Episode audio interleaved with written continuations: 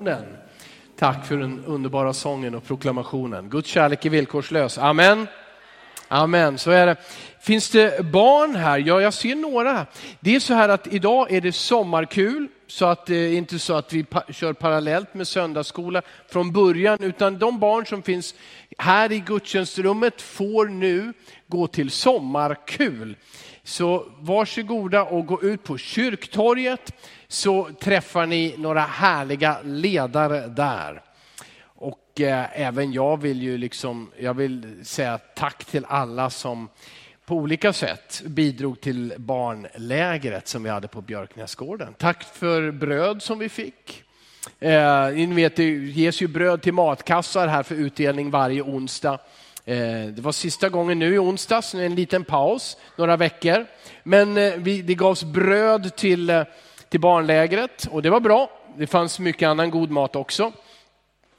Några av er har gett ekonomiska gåvor specifikt för barnlägret som gjorde det möjligt att bjuda, med, bjuda in, ta med barn från familjer som inte hade den ekonomiska möjligheten. Eh, var så mycket glädje. Ni vet, många barn, flera av barnen är inte vana att bada och simma sådär. Men eh, efter lite tvekan så kastade de sig i och sen ville de bara vara kvar i vattnet. Men då drog vi upp dem och tog dem på eh, möten också. Eh, och det var faktiskt underbart när Gabriel och Malin kom den kvällen och predikade. Eh, och kvällen innan hade Samuel Rönnbrink, pastor i, i, i ehm, vad heter det, Ärla, predikat. Eh, då var det, det var 20 stycken barn som räckte upp handen när han frågade väldigt enkelt, tydligt och klart, vill du bli frälst och Jesu vän? Och så bara, massor med. Och, och många, många som ville ha samtal och, och, och få bön när, när Malin hade predikat. Eh, det är fantastiskt att få jobba tillsammans med de här församlingarna, pastorerna, volontärer, barnledare från Malmköping, Strängnäs, eh, Ärla, Eskilstuna, kanske någon glömd. Helt otroligt. Annika hon, eh, hon drabbades av covid, så hon fick inte följa med. Hon tyckte inte att det stoppade henne från att åka dit, men hon satt hemma och jobbade och kontaktade föräldrar och ordnade och fixade och påminde oss om saker. Hon är ju van efter två år att jobba digitalt så det gick jättebra. Det bara plinga in, tänk på det här, tänk på det här, tänk på det här. Och det gick helt otroligt bra. Så tacksamma för alla som gjorde barnlägret möjligt. Tack till er som har bett. Tack till er som har bett det, nu får ni tacka Gud. Det är bara tacka Gud. För det var ett fantastiskt barnläger. Vi var totalt 123 personer, eh, lite drygt 90 barn då, då. och sen 25 eh, ledare. Jag tackar också Gud, min fru hon blev också sjuk. Jag tror att hon fick covid, vi testade inte det. Och samtidigt så skulle hon flyga till Kroatien och de hotade med strejk. Så vi bad bort covid och eh, bort strejken. Den ska börja först imorgon hörde jag från SAS. Så att eh, klockan fem så släppte jag av henne på Arlanda i morse och så flög hon till Kroatien. Det är väl härligt. Ligga på stranden i Kroatien är inte dåligt, eller hur? Eller hur? Jag vet någon som vet det jätteväl. Ja, kanske många har varit där. Hörrni, eh, så mycket att tacka Gud för. Du har också något att tacka Gud för, eller hur? Är det någon som har något att tacka Gud för? Oh, vad många händer. Vad härligt. Och ni andra, ni, ni behöver bara fundera lite till, öppna ögonen, för du är här. Tacka Gud för det. Du lever. Amen. Tacka Gud för det. Jesus älskar dig. Han har gett sitt liv för dig. Det finns så mycket att tacka Gud för. Och så finns det naturligtvis den här hjälpen i vardagen som är så speciell på barnlägret, jag berättade det, det var en sån här liten lustig sak tyckte jag. Det var, bara, det var nog bara jag som hann snappa upp det, för det gick så fort. Det var en av killarna som spelade fotboll, så tappade han ett mynt på gräsmattan. Jag satt en bit bort, jag tror jag satt och åt, så jag gick inte upp på en gång och hjälpte till, utan eh, han letade och letade och letade och letade, men sen så gav han upp. Men då kom det en annan kompis som inte ens, en, eh, som inte ens snackade svenska och han fattade vad som hade hänt. Den här killen snackade ukrainska och, och hette Bagdan, eller Bogdan, och han letade och letade och letade. Och så kom jag ihåg hur det var när jag var barn. Att jag hade en sån speciell upplevelse när, när eh, jag hade tappat bort en sak. eh, och blev rädd för den tillhörde en kompis och han hade hotat mig. Du får bara låna den om du inte förstör den eller tappar bort den. Nej, självklart. Och så tappar jag bort den. och, eh, men den gången så bad jag och, och sen så hittade jag den på en gång. Och det där har hänt många gånger i mitt liv sedan dess. Eh, för jag tappar ofta bort saker. Det, det, det kan jag inte skylla på Gud, det är bara jag är sån. Jag glömmer saker och jag tappar bort saker. Men ibland så fattar jag efter ett långt, långt sökande, ja men just man kan ju be också. Och så tänkte så då gjorde jag så, då gick jag fram till den här killen på barnlägret som hade tappat sin, han sa han hade tappat en krona. Sa en krona. Alltså, och så hann jag säga till honom, du, man kan ju be till Jesus också att man hittar det. Då ropar den andra killen, här är den! Och då var det en tio krona så det var tio gånger värt. Och det, sen så hann jag ju liksom inte predika för dem där och förklara att det var Jesus som hjälpte till och så vidare. Men för mig blev det jättestort igen. Ja, det funkar! Jesus vet allt, ser allt, känner allt, vet hur du mår, vet din situation, vad du har glömt bort eller vad du har missat och gått på i livet. Och han ser det och han bara väntar på hjälp Jesus. Eller hur du vill formulera den där bönen. Nu hittar jag inte längre Jesus. Du, ser du? Och han gör ju det. Och det här gäller mycket mer än en krona och tio kronor. Det gäller våra hjärtan och vår evighet, ditt liv. Du är mer värd än, än fåglarna, står det. Till och med, du, han, han har räknat dina hårstrån. Du är så värdefull. Det gick fort på mig. Det tog längre tid på en par av er. Men han kan räkna hårstråna. Men så säger han, även om ett hårstrå faller av så vet han det. Även om en fågel, och det finns ju hur mycket sparvar som helst, faller till marken så vet han det. Hur mycket mer ska han inte ta hand om dig? Så var inte som de som bekymrar sig för vad de ska klä sig med, vad de ska äta, hur de ska ta sig genom livet. Var inte som dem, säger Jesus. Utan lita på er far i himlen. Han vet redan vad ni behöver och han vill hjälpa. Ska vi se att jag inte tappar bort min predikan här idag. Jag har inget koncept, nej, jag har en bibel, men jag har inget, eh, inget utskrivet koncept. Det var mycket motstånd mot att få till det där idag. Eh, men jag vill faktiskt tala om något så vanligt som nattvarden. Vi ska fira nattvard eh, alldeles strax. Och eh, nattvard, med nattvarden är det så här. Det finns två stycken saker som Jesus har sagt till sin församling. Speciellt två stycken handlingar, speciella handlingar eller heliga handlingar om du vill. Som han säger, det här ska min församling göra. Ni ska döpa dem som tror. Ni ska döpa dem som kommer till tro. Först kommer man till tro och när man vet det och bekänner det och vill vara Jesu efterföljare, då ska man låta döpa sig. Och det är ett tydligt och klart uppdrag till församlingen. Och Jesus säger i, i Johannes 14 och 15, om ni älskar mig, då håller ni mina bud, eller då gör ni vad jag säger. Så han har sagt till församlingen, till dig och mig som tror på Jesus och vill följa honom, döp dem som kommer till tro. Det här sker en gång i livet. Det kan vara en vacklig start. Det är inte alltid den är full av massa övertygelse men ändå en, en, en frid och en vilja, den här vägen vill jag gå. Och vi döper och sen så är vi, för du tas upp i Guds stora familj. Som bara Jesus vet precis hur många det är som finns med i den. Men jag tänker att det är både miljoner och miljarder som tror eller har trott och följer Jesus och som blir döpta. Men så säger han också, måltiden, Herrens måltid, nattvarden, den ska ni fira. Och den ska ni inte göra, fira en gång, så som man blir döpt en gång, utan den ska ni fira regelbundet. I församlingen, med församlingen. Och det här har Jesus sagt åt oss att vi ska göra. Eh, och då är det så här att jag, ni vet, ja, några av er känner till att jag följer Markus evangeliet, försöker att predika vers för vers, även om någon vers går lite snabbare i kommentaren. Men, men att jag gör det. Och för två veckor sedan så sa jag, nu var jag framme vid den här nattvardstexten, men då sa jag, nu vill jag ta texten efter först. Det var om Petrus förnekelse. Eh, och så, sa jag, så lägger vi nattvardstexten idag om två veckor. Eh, och eh, därför så vill jag läsa från Markus evangeliet eh, kapitel 14. Först läser jag en vers och det är vers 12 eh, för att bara ge en inledning. Eh, Markus kapitel 14, vers 12. På första dagen i det osyrade brödets högtid, när man slaktade påskalammet, frågade hans lärjungar honom, vart vill du att vi ska gå och göra i ordning så att du kan äta påskalammet?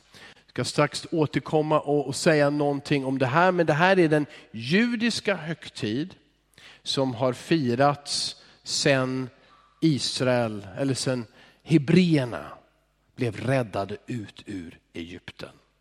Jag tror jag fortsätter att säga någonting innan vi läser vidare. Eh, ni känner, kom, kommer ni ihåg hur många plågor det var som, som det här, nu kör vi lite söndagsskola. Hur många plågor var det som, som kom över Egypten? Ja, Erik han visar alla fingrarna och det är tio stycken. Det var så här att hebreerna var förslavade i Egypten och vi pratar nu ungefär för 3500 år sedan. När de kom dit så var de 70 personer, en stor familj men inget folk. De växte till sig, födde många barn och egyptierna och farao framförallt tyckte det här är bra arbete, gratisarbete. Och förslavade helt enkelt det här folket. Och så kallar Gud Moses och säger du ska befria mitt folk, du ska föra dem ut i öknen, de ska fira gudstjänst till mig. Och sen ska du föra dem vidare till ett nytt land och där ska de få bli mitt folk och jag ska välsigna dem. Men farao var inte intresserad av att släppa gratisarbetet så han sa naturligtvis nej till Mose. Både hånade och skrattade ut honom. Och så följde det som kallas de tio plågorna. Där egyptierna och hela Egypten fick uppleva svårigheter på olika sätt. Allt från, från gräshoppor och flugor i mängd till bölder och sjukdomar, pandemier kan man kalla det för och allt möjligt. Och så den sista, och då, då, då, då blir det riktigt allvarligt den tionde plågan. Då säger Mose till farao, farao alltså kungen i Egypten, att Gud har sagt att det här folket, hebreerna, det, det är min son, det är min förstfödde. Det är som min egendom. Men nu kommer i din familj farao och över hela Egypten och till och med bland boskapen den första sonen att dö om du inte släpper mitt folk. Och så säger, berättar Bibeln om en, en dödsängel som går igenom Egypten en natt. Då den förstfödde, alltså den äldste i varje familj, dog. Men Gud hade ju sagt, hebreerna, det ska vara min förstfödde son. Och till dem sa han, då ska ni göra så här. Ni ska ta ett lamm, det ska vara ett år gammalt, det ska vara felfritt.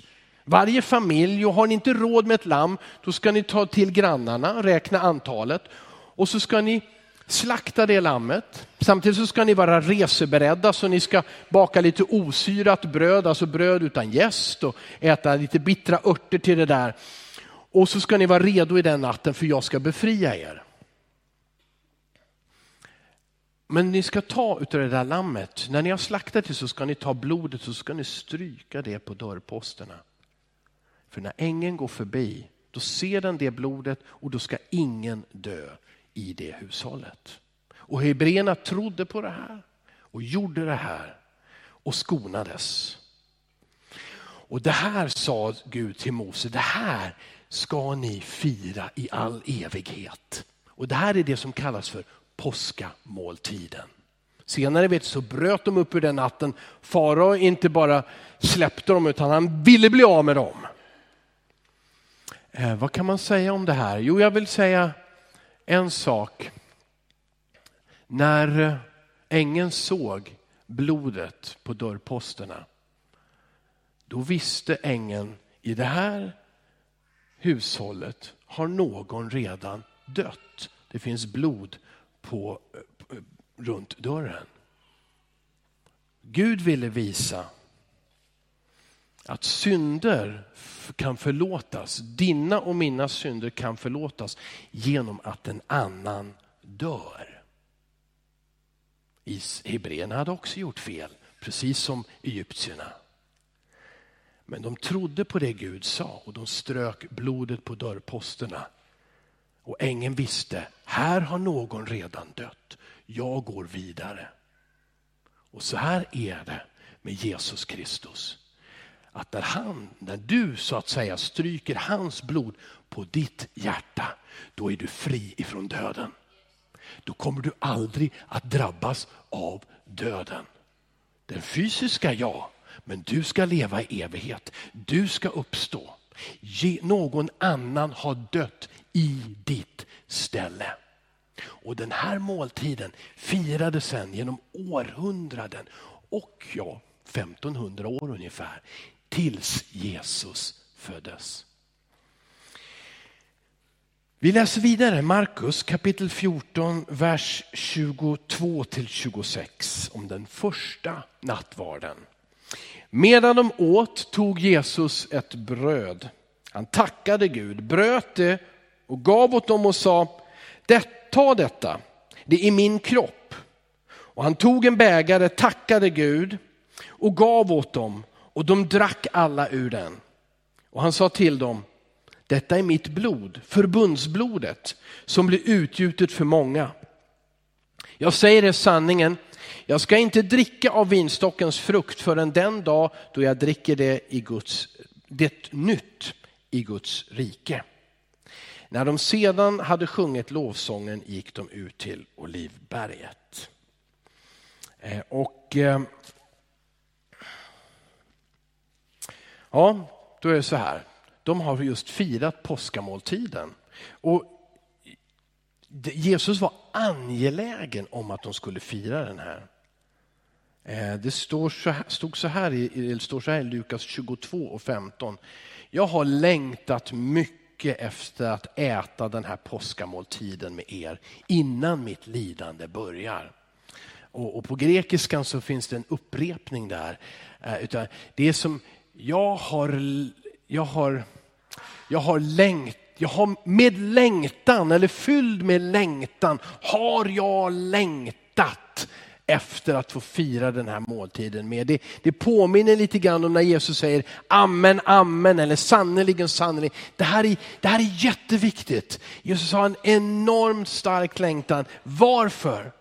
Jo, för att här skulle det skulle symbolisera att nu går vi in i en ny tid med ett nytt förbund, med ett bättre förbund. Inte bara med det judiska folket utan med alla folk. Inte ett, ett, ett bund eller förbund som bygger på att om du gör det här och sköter dig och bor här, då blir du välsignad av Gud. Utan när du tar emot Jesus i ditt hjärta så blir du frälst av nåd och står under Guds förbund. När Gud sluter avtal med någon, ett förbund, så i gamla testamentet visar att då skrev man alltid så att säga under avtalet, inte med penna och papper eller pergament eller sten, eh, inristning, utan man offrade ett djur. Och det var liksom det blodet som var tecken på att vi har slutit ett avtal, du och jag. Och Gud slöt ett avtal. Då med lamm, men nu skulle han sluta ett avtal med dig och mig genom att låta sin son dö för oss. Jesus var som ett oskyldigt lamm som blev slaktat för våra synder och Gud skrev under ett förbund och, och som handlar om syndernas förlåtelse. Det här är ett avtal som gäller i alla tider. Och det gäller för alla människor. Eller hur? Om du går, om du, jag, vad ska jag ta för bild? Men om du har köpt någonting men du har inte fått produkten än och du ska hämta ut den, ja då får du ju visa något slags köpeavtal, kvitto eller någonting. Men det är inte så att du tvekar. Ja, tänk om de kommer de att ge det där till mig eller inte. Utan du har ju det där köpavtalet. Du har pappret eller vad det är på. Det här är mitt och du hämtar ut det. När du pratar, när du tänker på dig själv och din egen situation, är dina synder verkligen förlåtna? När du tänker på en granne eller vän, då ska du aldrig tveka en enda sekund. Jesus har förlåtit alla synder. Hans blod vittnar om det. Du är förlåten. Och det här är ditt budskap till människor. Du är förlåten. Du behöver inte tryckas ner av synd. Du behöver inte känna skam. Du är förlåten. Och det här är det som, som den här nya måltiden som Jesus instiftar. Det är alltså inte längre påskamåltiden för det judiska folket, utan det är nattvarden för alla människor som tror på Jesus. I Lukas evangeliet så står det tydligare och även i, Korinthe, i första Korinthierbrevet att vi ska fira den här måltiden. Varför då? Eller till, till hans åminnelse, det var gammal svenska här nu, men jag har väl blivit, jag blivit uppfödd med den. Eh, för att komma ihåg, för att komma ihåg Jesus, för att minnas honom vad han har gjort. Det är intressant. För det, Gud är nämligen den Gud som kommer ihåg.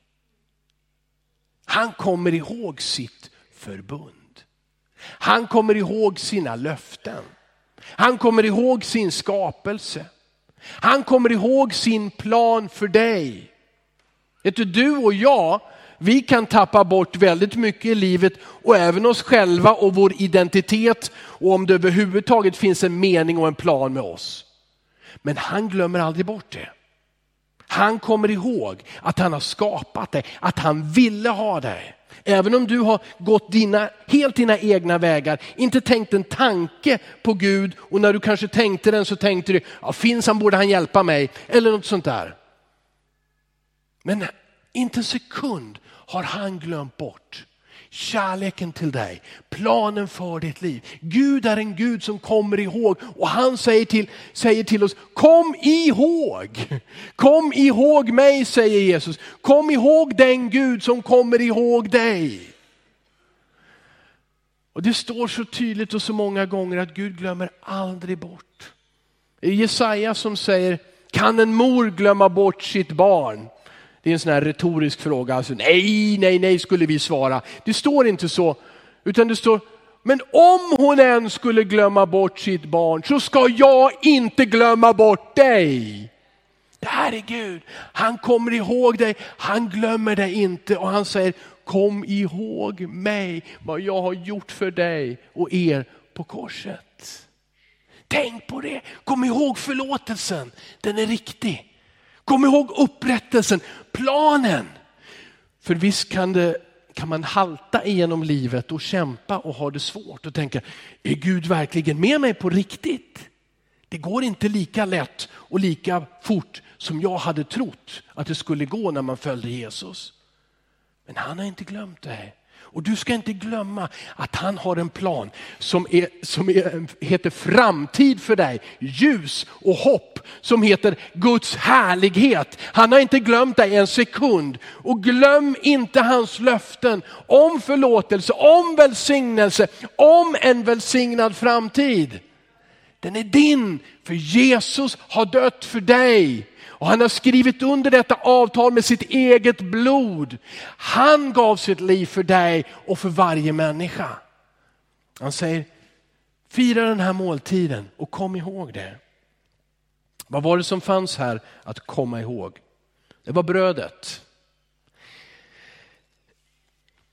På grund av pandemin och på grund av en del annan rädsla kanske också tidigare så att säga och kanske också lite praktiska grunder så, så har vi sedan många år inte ett gemensamt bröd som vi bryter utan det finns redan färdigbrutet och det här är ju små, små oblater som det heter. Eh, så att de är ju färdiggjorda i någon slags maskin. Och så finns det små koppar. Men när judarna överhuvudtaget på den tiden eh, ja, när de skulle äta så var det inte så vanligt att de skar upp brödet med en kniv utan man bröt av det i stora bitar så att säga och gav till varandra. Man delade brödet. Och Jesus säger att ta och ät och så säger han det här är min kropp som blev bruten för er. Jag vet att jag tror att jag också säger det ibland, någonting som inte riktigt är det som Jesus säger. För Jesus säger inte, här blir min kropp bruten, ja den blir bruten på korset. För den blev ju inte bruten. Jesus uppfyllde profetians ord. Inte ett enda ben i hans kropp blev brutet. Trots misshandeln, trots korsfästelsen, trots att soldaterna eller officeren ville slå sönder knäna på honom för att kolla om han var död, så blev den inte bruten. Den större symboliken i det här är att det är ett bröd och det bryts och så ges en bit till dig och en bit till dig och en bit till dig. Och skulle vi alla samlas här i mitten och hålla ihop de här bitarna, då skulle vi se att det är ett bröd. Det är en kropp. Men säger Jesus, det här är min kropp och den blev bruten. Nu får du en bit och nu får du en bit och du en bit. Om ni gör som Jesus, om vi gör som Jesus säger, vi älskar varandra och vi säger vi är tillsammans, vi är hans församling. Då passar vi ihop för Jesus bor i dig och han har gett dig en bit av sig. Han har gett en bit av sig till dig. Förstår du? Det passar ihop. Och det passar aldrig ihop om vi alla sticker åt olika håll. Det passar aldrig ihop om vi säger, tron är för mig och tror du så är det bra för dig och sådär, men sköt dig själv och strunta i andra. Nej, vi hör ihop. Jesus sa här, varsågod, ta och ät. Det är min kropp. Ja, är det min kropp? En del kristna säger ja, när vi, när vi, när vi äter det här efteråt så är det verkligen Jesu kropp och på riktigt, det är kött. Och det är riktigt blod. Det är Jesu blod. Eh, jag, vill, ja, jag är sådär enkel, ibland så sågar jag andra vid fotknölarna. Det är inte rätt att göra kanske, men jag bara säger, det är inte så. För det första, det är det, är det ordet där och det är min kropp, också i, i, ara, i arameskan som ju är det språk som Jesus framförallt talade. Eh, så finns det ingen skillnad på det här med att är eller representerar eller symboliserar. Okay, det är samma ord. Och jag, det, det är, detta är Jesu kropp. Ja, det representerar Jesu kropp. När Jesus sa jag är vägen, eller jag är dörren. Tänker du då att Jesus var en riktig dörr? Att han var en väg någonstans via Dolorosa, en väg som vi kan gå på. Det tror du inte, för du vet att Jesus talar bildligt. Och det gör han även i nattvarden. Det här är min kropp, ta och ät. Ja, den representerar min kropp och min död och du får del av den. Det här representerar mitt blod och du får dricka av det. Men ingenstans så säger Jesus att det här fysiologiskt blir hans blod eller hans kropp. Så det där har tankarna svajat iväg eh, lite för långt. Men om vi försöker att gå tillbaka till Guds ord så representerar detta, och verkligen inför Gud. Det här är någonting som Jesus sa, jag vill att ni ska fira det här. Ni behöver det här. Ni behöver minnas, komma ihåg vad jag har gjort. Och ni behöver veta att ni är del av varandra och det jag gör. Det andra, det är brödet, det första är ju då vinet som de drack. Och de drack alla ur en kopp och vi tänker host, host, jag kan inte dricka ur din kopp inte. Men, men de, de satt väl kanske också där och hostade lärjungarna och så drack de ur samma kopp. Eh, men i alla fall så gjorde de det. Och det, det här är, det är så att det, Jesus säger då, det här är mitt blod. Och Matteus lägger till till syndernas förlåtelse och Lukas lägger till för er, detta ställföreträdande. Det här är mitt blod utgjutet för er. Och att det står utgjutet det tyder på att Jesus säger, jag kommer dö en våldsam död, mitt blod blir utgjutet. Han har gett det till dig och mig för att, och jag bara upprepar, dina synder är förlåtna. Det är nästan lika svårt att som ta emot att du är älskad som du är. Men det är samma Gud som säger det. Du är älskad. innan, innan vi bekände vår tro på honom älskade han oss och dog för oss. Amen. Och det betyder att han, han dog för allihopa innan. Det är lätt att göra något för någon som man vet man får ett tack av, eller hur? Det är svårare om man vet att några bara struntar i det. Några vill inte veta, några hånar det. Ändå så dog han för alla människor. Han älskar alla. Alla blir förlåtna genom Jesus. Du har ett budskap. Det är så starkt. Tveka inte att säga det till dig själv och till andra. Jesus gav sitt blod. Och så sa han så här avslutningsvis, en tredje sak. Jag ska inte dricka av vinstockens frukt förrän den dag då jag dricker det på nytt i Guds rike. Och eh, Paulus uttrycker det lite annorlunda. Ni ska fira det här tills dess Jesus kommer åter. Det här är vårt uppdrag, att döpa för att Jesus förlåter synder. Jesus har renat den som tror på honom.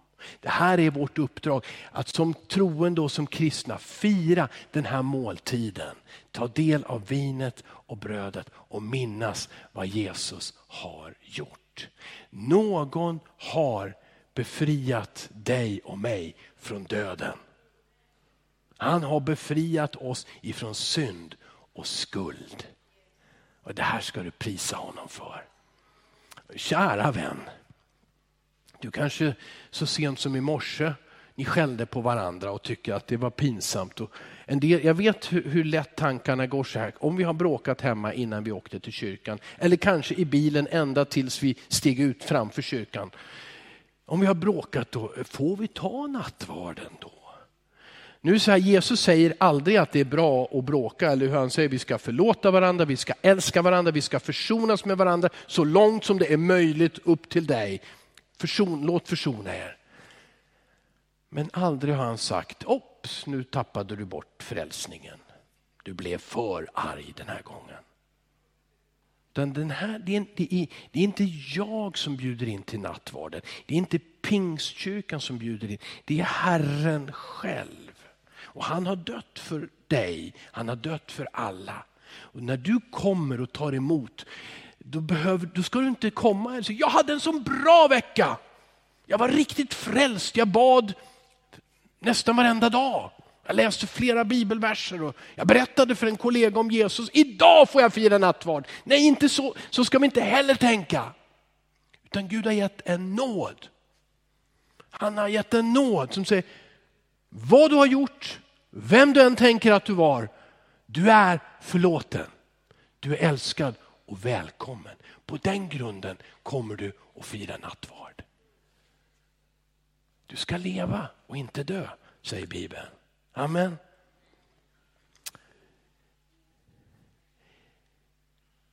Innan jag lämnar över till Malin så vill jag bara rikta mig till dig som inte har tagit emot den nåden så medvetet än.